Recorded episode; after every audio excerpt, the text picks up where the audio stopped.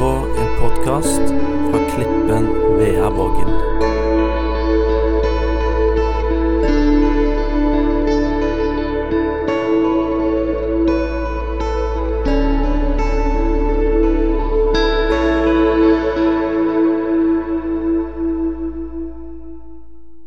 også en drøm og en lengsel en vekkelse i den menigheten, i den forsamlingen her. Og det er det som jeg har fått veldig på hjertet å dele med dere her i dag. Så det er egentlig overskriften. Men før eller overskriften jeg kommer til det, sånn er jeg er evangelist. Evangelister de, de har veldig mye på hjertet. Og jeg har også en god del ting på hjertet her i dag. Vet du hva? Jeg tror at Jesus han kommer til å møte deg spesielt her i dag. Jeg tror Det, kommer, det er sikkert en god del som er kommet her i dag, og den største forventningen du har i dag, er til kaker og kaffe som kommer etterpå. Men vet du hva? Jeg tror at du skal ta og skru opp forventningen noen hakk til hva Jesus kommer til å gjøre her, akkurat her og nå, denne søndag formiddagen. For jeg har sett Jesus bevege seg over hele verden. Jeg har sett mirakler og tegn og under, ikke pga. at jeg er noe spesiell, men pga. at Jesus lever. Og den Jesus som lever, som gjør under og tegn i Brasil, som dere nettopp har tatt opp en gave til, den Jesus han er her denne morgenen her. Og jeg tror han kommer til å møte deg spesielt på en sånn sterk måte. Halleluja. Vet du hva? Karmøy det er et vakkert sted. Det er et så trygt sted. Men det er også et sted som har en rik historie av vekkelse. Når du kjører nedover gaten her, så er det en herlig, oppegående, fantastisk menighet omtrent på hvert gatehjørne. Og det er ikke så veldig langt unna sannheten heller. Jeg husker jeg ble kjørt, vist rundt en gang her på Karmøy. De sa der er, der er kirken, og der er bedehuset, og der er pinsen, og der er eh, troens ord. og der, Det er jo så mange flotte fantastiske forsamlinger her. Og Det vitner om at Gud har rørt på seg i dette området her før. Og det kan skje igjen. Jo sånn, meg og, eh, meg og Deborah vi har båret på en sånn samme drømmen som dette her i våre hjerter i så mange år. Eh, Deborah hun hadde lyst til å lage danseshow for Jesus når hun så Jesus Revolution i Tyskland for mange år siden. Flyttet til Norge, og hun sa til og med til meg at hvis ikke jeg kan lage mitt danseshow for Jesus, så vet jeg ikke om jeg har lyst til å gifte meg med deg, Oddleif. Men, så jeg sa at ja, men det skal jeg hjelpe deg med. Det, det kan vi få til. Og jeg elsker å synge, så sammen laget vi noen konsertforestillinger som vi har turnert hele Europa med, med Jesus Revolution. Eh, og Senest denne våren her med Jesus Evolution så, så, samlet vi inn alle våre misjonsbaser som vi har rundt omkring i hele Europa. 60 personer. Herren hadde talt til oss at vi skulle starte en ungdomsvekkelse. At vi skulle se ild komme opp over hele Europa. Eh, så vi tok rett og slett og dro til alle land i Europa. Fra februar av så har vi vært da til 48 land. Vi har kjørt 36 000 km med ni biler, 60 personer. Vi har hatt 55 Youth Revival, ungdomsvekkelsesmøter. Vi har sett 19 000 mennesker få høre evangeliet ansikt til ansikt. 2200 ungdommer har søkt frelse. 1800 har blitt døpt med Den hellige ånd, talt i nye tunger. Dette her er siden februar. Og dette her er Europa. Her, det samme greiene skjer over hele Europa. Det skjer i Montenegro med Europas minste kristne forsamling. 200 kristne i hele landet. Og de hadde, hadde, der hadde vi tidenes største ungdomsmøte. 50 ungdommer. Det høres ikke mye ut her på Karmøy. Her er liksom 50 ungdommer. Det er en dårlig ungdomshelg omtrent. Men der var det tidenes største ungdomsmøte som de hadde hatt. Til eh, Spania, der vi hadde flere tusen, og også i, i England osv. Men Gud gjør disse tingene her rundt omkring i hele Europa. Det skjer nye ting. Gud gjør noe nytt. Det skjer i Europa igjen. Og Det er mange som tenker at kanskje det er bare i Afrika og sånne, sånne plasser der det skjer voldsomme ting for Gud. Eh, meg og Deborah, etter å ha vært i 13 eh, år i fulltidstjeneste, i misjon som evangelister, så tenkte vi at nå hadde det vært veldig fint med en sånn som på nynorsk heter a sabbatical. Ja, eh, Et sabbatsår. Eh, at vi kunne ta et eller annet, ta noe fri eller noe sånt. Så det vi gjorde når vi hadde foreldrepermisjon, da har man jo tre måneder, det er veldig fint, vi tenkte hvem er det som gjør eh, de heftigste tingene for Gud rundt omkring i verden? Er det noen her som har hørt om Reinhard Bonke? Hvis det er noen som er litt glad i vekkelse, så har du hørt om Reinhard Bonke. Kanskje tidenes største evangelist. Har ledet 79 millioner mennesker til Jesus gjennom 79 år av sitt liv på jorden før Herren tok han hjem. Så han ba jo Gud om én million mennesker, og Gud ga han én million for hvert år han hadde levd. 79 millioner mennesker. Så meg og Deborah vi tenkte hvis vi skal se noe mer Vi må jo få se noe mer her i Europa. Vi må jo få se Jesus gjøre mirakler, tegn og under. Vi må jo få se tusener, titusener, millioner komme til Jesus, også her i Norge. Og forresten, hvis det var noen som lurte, Norge, ja, vi er en del av Europa. Så vi tenkte at vi må lære av de som er best, de som har sett de største gjennombruddene. Så meg og Deborah vi dro til Amerika til USA, til, til eh, hovedkvarteret til Christ for All Nations, for å lære av de som er størst og best. Daniel Kolenda. Og vi var tre måneder der for å bli, eh, for å bli eh, trent opp i hvordan å gjøre kampanjer i stor skala, sånn som de har sett med gjennombrudd med titusener på titusener, hundretusener. Vi fikk lov til også å være med. Jeg var med først i Nigeria, eh, og Deborah var også med i Ghana.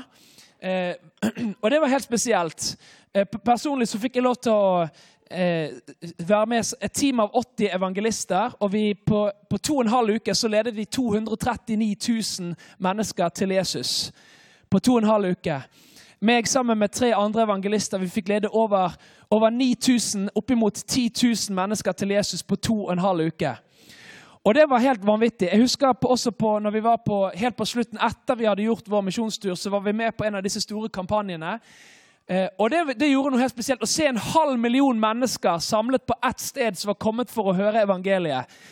Eh, og i Den hellige ånd blir utgitt der, så demoner flyger ut, og det, det, det, dynges opp med rullestoler og krykker etter folk som har blitt momentant helbredet.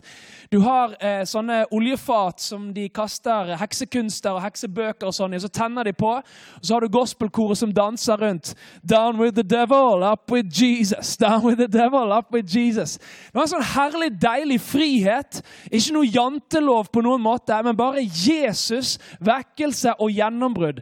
Og det var så herlig. Jeg fikk lov til også å være med på, på konferansen der om morgenen. og Så ble vi sendt midt under korona. Midt mens korona var på høyden, så var det 150 000 mennesker samlet på ett sted. Og vi ble bedt om å løpe inn i en menneskemengde på 150 000. Det var ikke sånne avstandsregler og sånn der. Og vi ble bedt om å legge hendene på og be for alle vi kunne. Så I løpet av 20 minutter ba jeg kanskje for 700-800 mennesker med håndspåleggelse, og folk falt under Guds kraft. Det var skikkelig herlig. Jeg har aldri opplevd maken. Og Den dagen satte jeg meg inn i bilen og tenkte at i dag tror jeg jeg skal bruke antibac. og så tenkte jeg, min andre tanke var wow, dette her, det her er jo det jeg har drømt om. Dette her er det jeg har drømt om. Så fikk vi komme tilbake igjen til til Europa. Og vi tenkte vet du hva? Dette her skal vi bare se, altså. Dette her skal vi bare se i Norge og i Europa. Og Vi satte i gang vår første kampanje i Bulgaria. Vi fikk leid et utendørs amfi der, gikk sammen med flere lokale menigheter. Og I løpet av en sånn fire dagers, eller fem dager var det vel kanskje, fem dagers eh, utendørs kampanje der i Bulgaria, så så vi hundrevis av mennesker komme til tro på, på Jesus. Og igjen, det er Europa, så det er litt mindre tall. Men var, vi opplevde et sånt gjennombrudd når vi, sto, når vi sto der, og det begynte å bryte, bryte løs med helbredelser og tegn og under. En jente som kom opp der, som hadde hatt en muskelsykdom som gjorde at hun ikke kunne gå på, på mange år.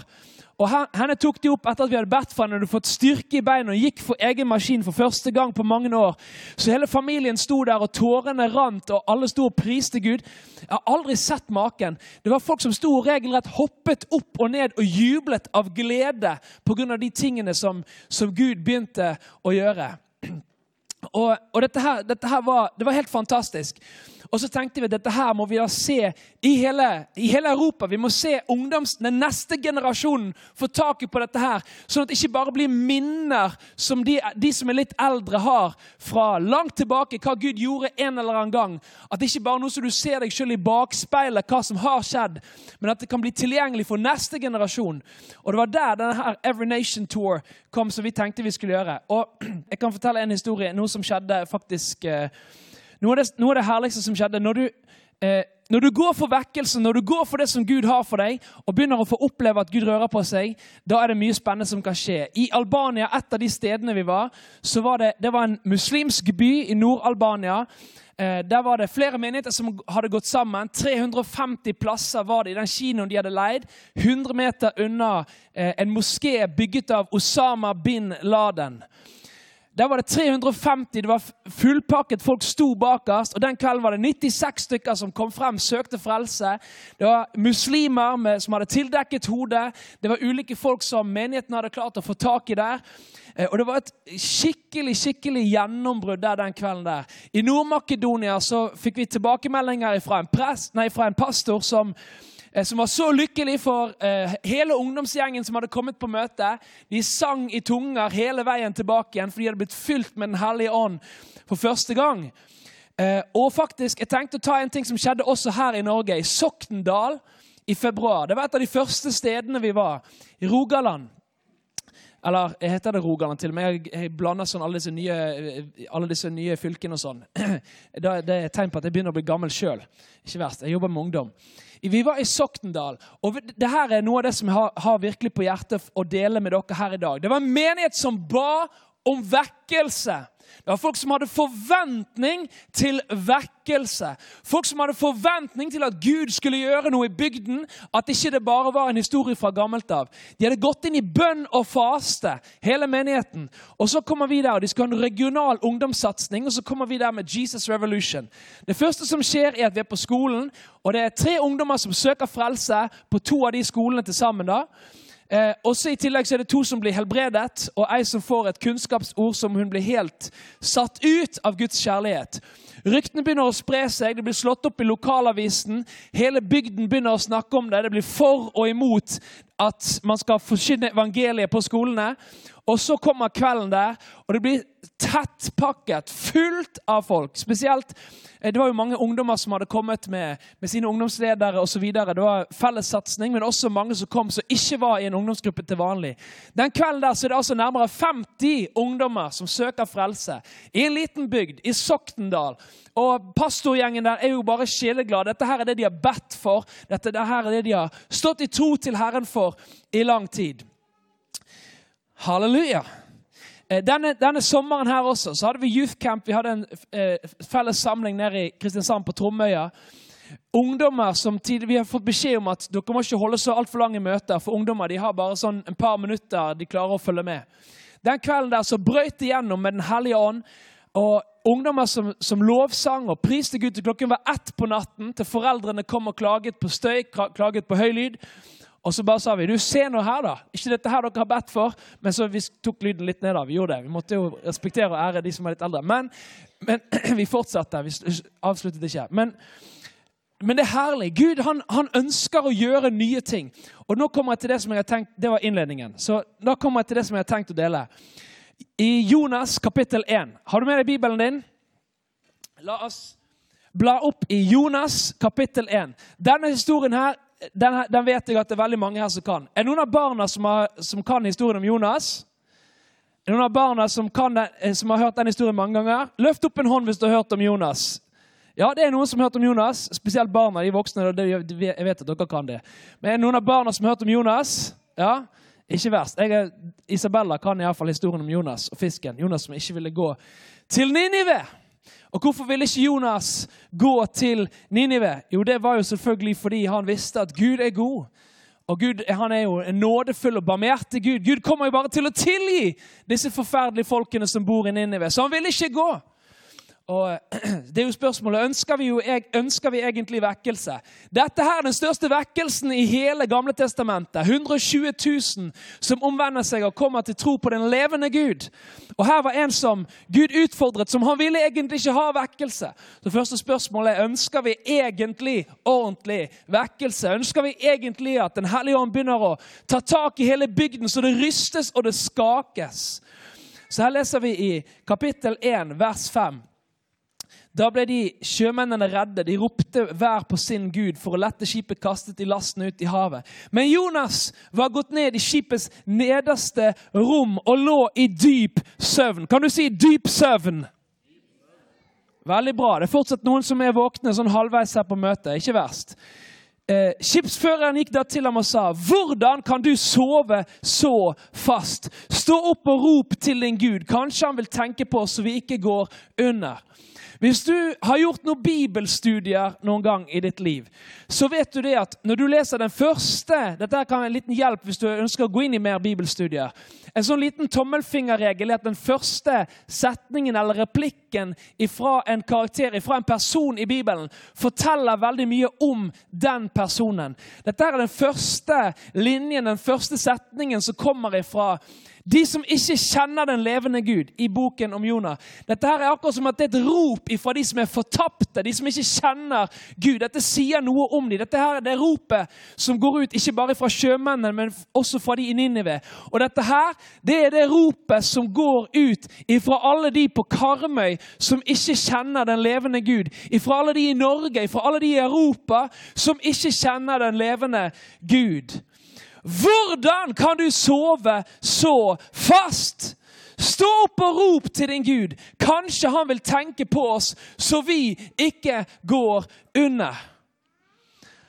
Jonas han ville ikke gå. Han dro til helt fullstendig en annen retning, det som vi i dag kaller Spania. Og Det er klart at det er veldig lett å gå til Spania. Det er fint å være i Spania, fint å ligge på stranden og sole seg. Det er veldig fint, Ingenting imot det hvis du har bestilt en chartertur til Spania. Gud velsigne deg, dra til Spania og få litt varme på kroppen midt i kalde eh, vinteren her i nord. Men Jonah han ville gå til det som var behagelig, det som, som, eh, som, han, som han, tenkte der, der vil jeg gå. Jeg vil ikke dit til Spania. Når du har lest historien, du har sikkert fortalt historien så mange ganger at du kan den inn og ut og opp og ned og framlengs og baklengs. Men vet du hva? I dag så skjønner vi litt mer hvorfor Jonas ikke ville gå til Ninive. I dag så skjønner vi litt mer av det. Det er omtrent som å si at at eh, en, eh, en, jødisk familie som har fått familien sin nettopp utslettet pga. Hamas At Gud kaller dem du skal gå inn i Gaza by og du skal proklamere evangeliet. Det er omtrent som å si til en ukrainer at eh, om Gud hadde kalt en fra Ukraina du skal gå inn i Russland og forkynne evangeliet i Moskva. Da plutselig får vi det inn i en kontekst, og vi skjønner Wow! Gud, jeg vet jo at du er god. Jeg vil ikke at det skal gå bra med de folkene der. Det var jo det disse folkene her eh, i Ninive de hadde jo plaget israelsfolket. Og Jonas han ville ikke at det skulle gå bra med disse folkene her. Så sa han nei, Gud, det gjør jeg ikke. Jeg går ikke dit. Og så var han, var han helt nedi i fiskens buk, og omsider så omvender han seg. Og Gud gir han en andre sjanse og sier du skal gå til Ninive. Og så kommer det en vanvittig vekkelse i Ninive. Og de som ikke fortjente en ting, der kommer Gud med sin godhet og sin nåde. Vet du hva? Sånn er det for hver eneste en av oss. Vi fortjener ingenting. Og Jeg føler jeg har fått et ord til den forsamlingen her. Og jeg vet at er både, Det er både familiemøte, det er stormøte, det er folk som kommer og besøker, og kanskje hodet ditt er overalt alle andre steder. Men jeg føler jeg har fått en ting i bønn som er fra Herren for denne forsamlingen her. Og det har jeg lyst til å dele med deg. Og jeg tror det er noe Herren ønsker å gjøre her på Karmøy. Det er, noe, det er noen gamle, tilstoppede brønner av vekkelse som skal åpnes opp igjen. I Jesaja 44, vers 3. Der står det følgende For jeg vil øse vann over det tørste og strømmer over det tørre. Jeg vil utgyte min ånd over din ett og min velsignelse over din etterslekt. Halleluja. Jeg takker deg, Jesus, for denne herlige menigheten. Jeg takker deg for Klippen. Jeg takker deg, Herre, for at ut ifra klippen skal det renne strømmer av levende vann. Jeg takker deg, Herre, at ut ifra klippen, og akkurat i denne, dag, denne, dagen her, så taler vi til klippen at fra dette sted skal det renne strømmer av levende vann, som skal renne ut og bli til velsignelse for nasjonene. Jeg takker deg, Herre, fra dette sted, Herre, skal det renne strømmer som gir liv i ørkenen, som gir liv der det er tørt, Herre. Jeg takker deg, priser deg, Jesus for at du er her, og du ønsker å tale til din menighet denne dagen her. I Jesu navn. Amen. Amen. Halleluja. Hvis det er noen som studerer vekkelse, er det noen som har hørt om vekkelsen på hebridene? Er det noen som har hørt om det? Noen som leser masse her? som har lest om det? Kan du vinke til meg hvis du har lest om det? Det var ikke mange. Ok, Da skal jeg fortelle deg kort. Jeg ble minnet på at jeg skulle dele om dette her til dere. For jeg tror at det er mange her som Hvis du tar dette her ved tro, så kan det bli ditt. Hvis du bare venter på kaffen og kakene, så blir dette her ikke ditt. Da kommer du til å komme tilbake her uten forventning til at Gud skal gjøre noe nytt. Og det kommer til å bare bli en rutine. Men hvis du tar dette her ved tro, så kan det her bli ditt. Du kan få ta del i det hvis du ønsker å ha ordentlig vekkelse. Hebriden er en liten øygruppe utenfor vestkysten av Skottland. Fra 1949 til 1952 så var det en av de heftigste vekkelsene man har sett i nyere tid på hebridene, selv om det ikke er så veldig mange mennesker der. To gamle damer. Kan du si to gamle damer? Veldig bra. Det, det er utrolig mye Herren kan gjøre med to gamle damer. Peggy og Christine Smith de var henholdsvis 84 og 82 år gamle. De var søstre. Peggy var blind, og søsteren var helt bøyd over med leddgikt. To fullstendig usannsynlige redskap i Herrens hender, sånn på overflaten. Men de fikk en sånn nød, for de så at det var ingen ungdommer på møtene. De så at det var heller ingen som var interessert i det som hadde med Gud å gjøre. Og de fikk en sånn nød i sine hjerter at disse to gamle damene Kan du si to gamle damer? Veldig bra. Disse begynte å be. Disse to gamle damene begynte å be. Og dette verset her som jeg nettopp leste til deg, Jesaja 44, 44,3 Øse vann over det tørste og strømme over det tørre. Dette var det verset de to gamle damene fikk idet de begynte å be. Hver tirsdag og hver fredag fra klokken ti om kvelden til tre-fire-tiden om morgenen. To gamle damer. Og En natt så hadde hun ene gamle damen et syn. Hun så menigheten full av unge mennesker, og hun så vekkelse for sine øyne. Hun sendte bud på presten i bygda, og så klarte de, disse to gamle damene å overtale presten og noen av menighetstjenerne til å bli med dem og be om vekkelse. Eh, og så en kveld mens de ba og ventet på Herren på en låve, så var det en av de unge menighetstjenerne som reiste seg og så sier han dette her. Det virker for meg å være bare tull at vi står her og ber som vi ber, og venter som vi venter, uten at vi selv har vårt forhold i orden til Gud. Og så løfter han av begge sine hender mot himmelen og så sier han, Gud, er mine hender rene? Er mitt hjerte renset? Og så faller han på sine knær, og så kommer Guds ånd og sveiper gjennom låven og gjennom hele, dette, hele dette, disse, disse, denne øygruppen her. Og overalt på øyen så blir folk grepet av evighetens realiteter. I kirken, som vanligvis hadde vært tom, plutselig er den overfylt med 300 mennesker som kommer sammen der og søker evangeliet. Plutselig så står det 600 mennesker utenfor kirken, og de bare blir dratt dit. De vet ikke engang hvorfor. Plutselig står det 400 mennesker utenfor den lokale politistasjonen og er klar for å begynne å bekjenne sine kriminelle handlinger. Plutselig så, står det, eh, så er det tomme festlokaler der det kommer 100 mennesker som kommer inn og bare venter at noen skal preke for dem. På jordene ble det fylt med folk, som, og, og de begynte å tilkalle vekkelsespredikanter for å komme og preke evangeliet. En som het Duncan Campbell, som kom der. Og I løpet av veldig kort tid så ble alle disse øyene fullstendig skaket, rystet av vekkelse. Eh, et av husene ble rystet av Gud under et bønnemøte. Det var en som, en som het Blacksmith, som ba Herre, nå tar jeg deg på ordet. og jeg, jeg, jeg, jeg, På grunn av din, av din, pakt så må du gjøre noe med den neste bygden her. og Ikke bare i vår bygd, men også i neste bygd. Og det de ber, så skaker, rystes hele huset. Dette skjedde på Hebridene, og det er ikke så fryktelig lenge siden. Ble også minnet på en annen historie. Marie Monsen, en ung kvinne fra Bergen. Hun dro til Kina. Eh, og hun hadde I sitt hjerte hadde hun en drøm om at Kina skulle få oppleve vekkelse. Det var bare noen tusen kristne i Kina på den tiden, men det var misjonsstasjoner over det hele. Og De ble grepet av en sånn lengsel om å se Gud røre seg. Og de hørte rykter om at i Korea den gangen så var det en voldsom vekkelse i Korea. Eh, selv det som heter Nord-Korea i dag, Pyongyang, som i dag er hovedstaden i Nord-Korea, det ble kalt Østens Jerusalem pga. at det var senter for vekkelse bare 100 år siden.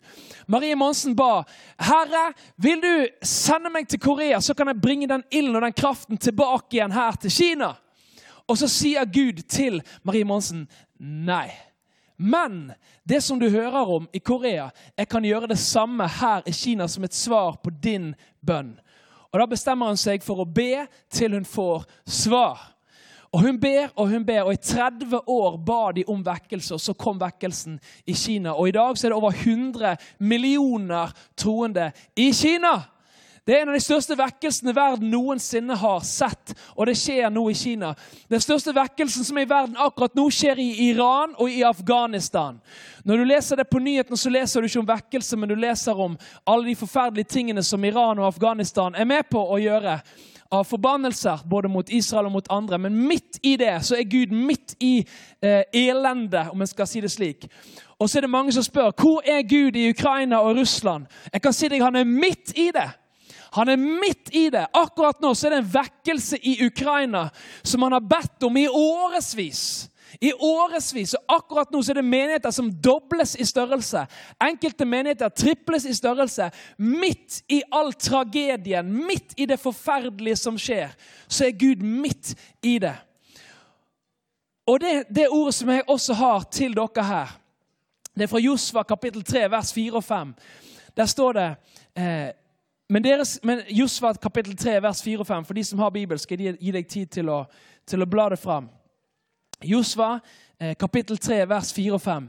Men det skal være avstand mellom dere og arken, omkring 2000 alen. Dere må ikke komme for nær den, slik kan dere vite hva vei dere skal gå, for dere har ikke gått denne veien før. Da sa Josva til folket, hellige dere, for i morgen vil Herren gjøre underfulle ting blant dere. Hellige dere.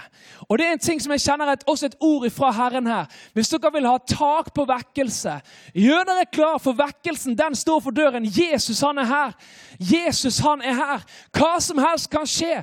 Men det er et par ting som kjennetegner vekkelse. Eh, og Jeg skal bare gå fort gjennom, for nå har jeg allerede prekt, prekt eh, ganske lenge. Men jeg har lyst til å ta en ting fra første kongebok, kapittel 18. Elia. Det er en ting som skjer der. Først så gjenoppretter han alteret. Alle de tolv ja, Jeg trenger ikke ta hele greien, vi kan ta det i en annen bibelundervisning. Men det er tolv steiner, de tolv stammene. Enhet, den første. Enhet. Folk kommer sammen som ett. Ett hjerte, én sjel. Enhet. Det er det første. Og så er det et offer. Man, blir, man kommer i rett stand med Gud. Hellige dere, gjør dere klar for å møte Herren. Hellige dere, gjør dere klar. Det er et offer som legges på alteret. Man kommer i rett stand med, med den levende Gud. Og så er det bønn, og så er det forventning. Elia faller på sitt ansikt. Herre, du som er den levende Gud. Og så ber han om at ild skal falle ned. Og så kommer ilden. Og så kommer det store menneskeskarer til Herren. Disse fem punktene er det som skjer igjen og igjen. Salomo med, eh, med tempelet. Først er det enhet. Han kaller på hele israelsfolket til å komme sammen. Og hva skjer da? Så er det et offer. De ofrer dyr. Vi vet at det, jo, det, det peker jo framover på Jesus, selvfølgelig. Men så er det et offer. Og folk helliger seg. De gjør seg klar til å møte Gud, til å komme inn for Herren. Og så er det bønn med forventning om at Gud skal gjøre noe. Og så, så faller ilden, og Guds herlighet åpenbares, og store menneskemengder kommer til Gud. I apostelgjerningene så skjer det samme. Først er det enhet. Først kommer de sammen. De står sammen ett, med, med ett hjerte og én sjel. Og så er det et offer. Og det er jo det offeret over alle ofre, at Jesus døde på korset for våre synder. At han for ned til dødsriket, sto opp fra de døde. At han lever i dag, at det er en tom grav. Jesus han er jo det offeret som døde i vårt sted. Og så er ikke det bare det, men så kommer de sammen. De 120 kommer sammen på øverste salen i bønn og forventning til at Gud skal gjøre noe. For Jesus hadde sagt, 'Vent der til dere blir ikledd kraft ifra det høye'. Og så faller ånden. Ild faller, ildtunger, og så kommer det store menneskeskarer til tro på Herren. 3000 frelst på én dag. 3000 døpt på en dag. Det er jo fantastisk. 3000 mennesker lagt til på én dag. Hørte Anne Kristiansen, min pastor fra Oslo. Hun var i Brasil, apropos Brasil. Og Der hadde de samlet opp dåp en par måneder. Sånn de, og så hadde de nasjonal TV. Så hadde de 10 000 mennesker som ble døpt på én gang. Eh, og det ble sendt på nasjonal TV. Disse tingene her skjer i dag. I Brasil hver søndag så er det flere som går på søndagsgudstjeneste enn i hele Europa til sammen. Dette her skjer for våre øyne.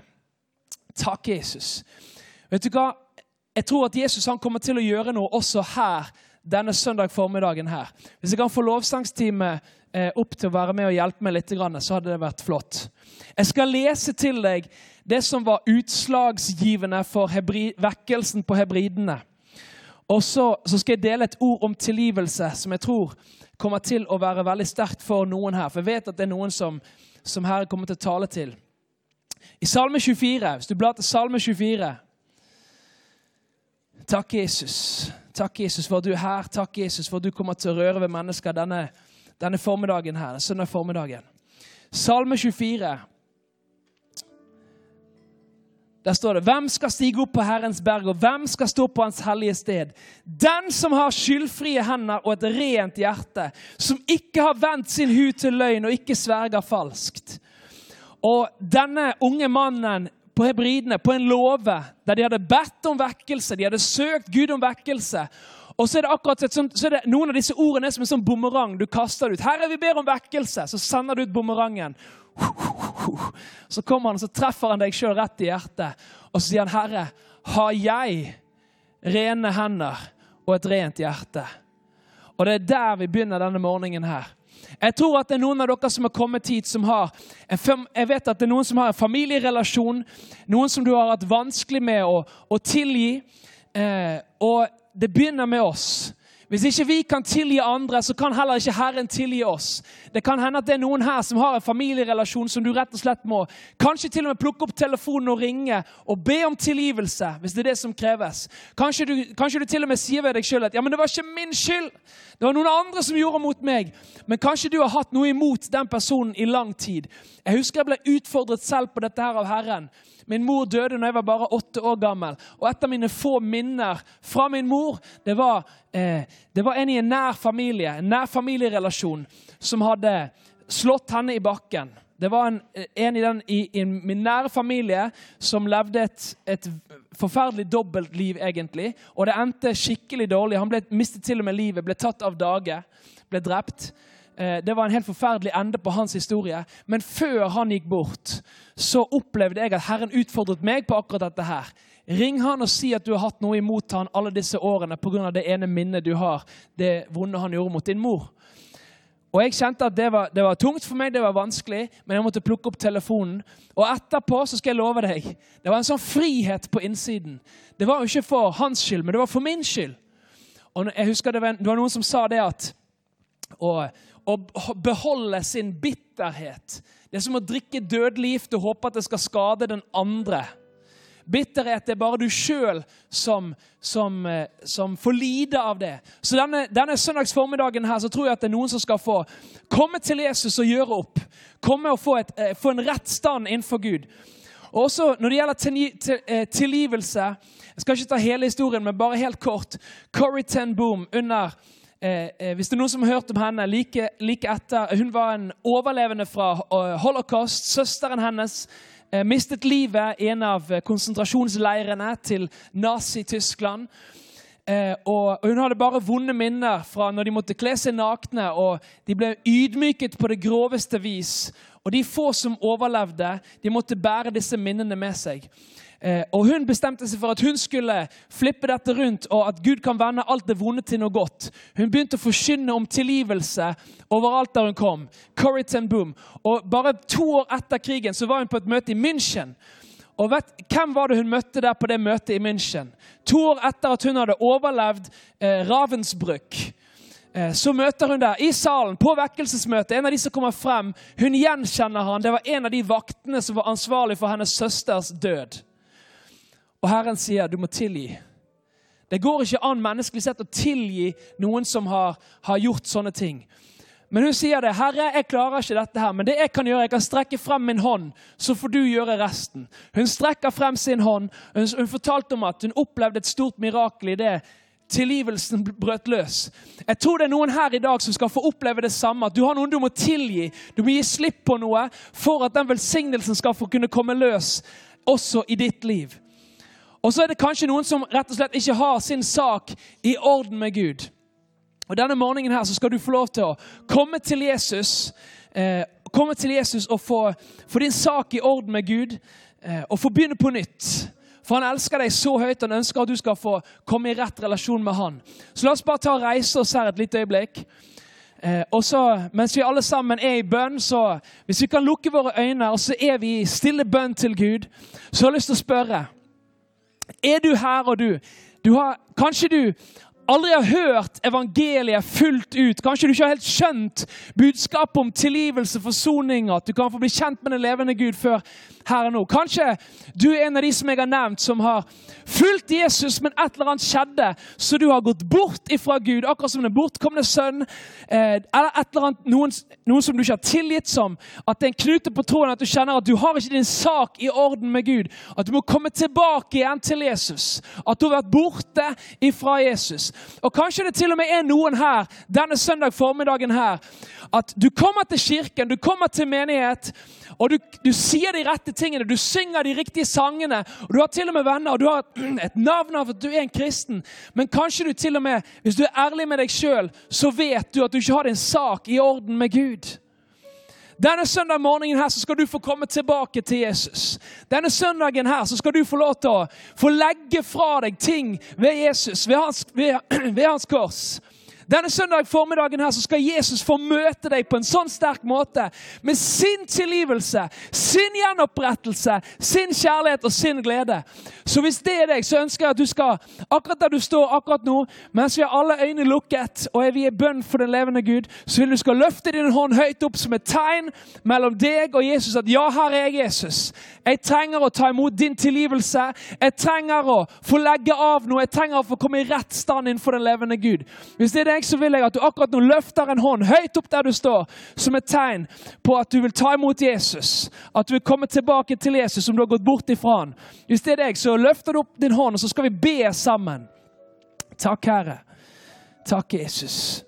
Er det noen her som ønsker å gi sitt liv over til Jesus her, som ønsker å komme tilbake, som ønsker å legge av ting eh, som kanskje har vært borte fra Jesus? Er det noen her, så løfter du en hånd høyt opp, så skal vi ta og be sammen. Du kan få legge av ting ved korsets fot her i dag. Takk, Jesus. Takk, Jesus. Takk, Herre. Takk, Jesus. Da bare tar jeg og ber en bønn her først. Og så kan de som ønsker å, å be, du kan bare be fra ditt hjerte direkte til Jesus. Jesus, jeg takker deg. Jeg takker deg for at du er den du sier du er. Du er Guds sønn. Du var død, og du er levende. Du sto opp igjen, og du lever. Jeg takker deg, Jesus, for frelse, utfrielse. Jeg takker deg for forsoning, for tilgivelse. Jeg takker deg, Jesus. Halleluja. Amen, amen, amen.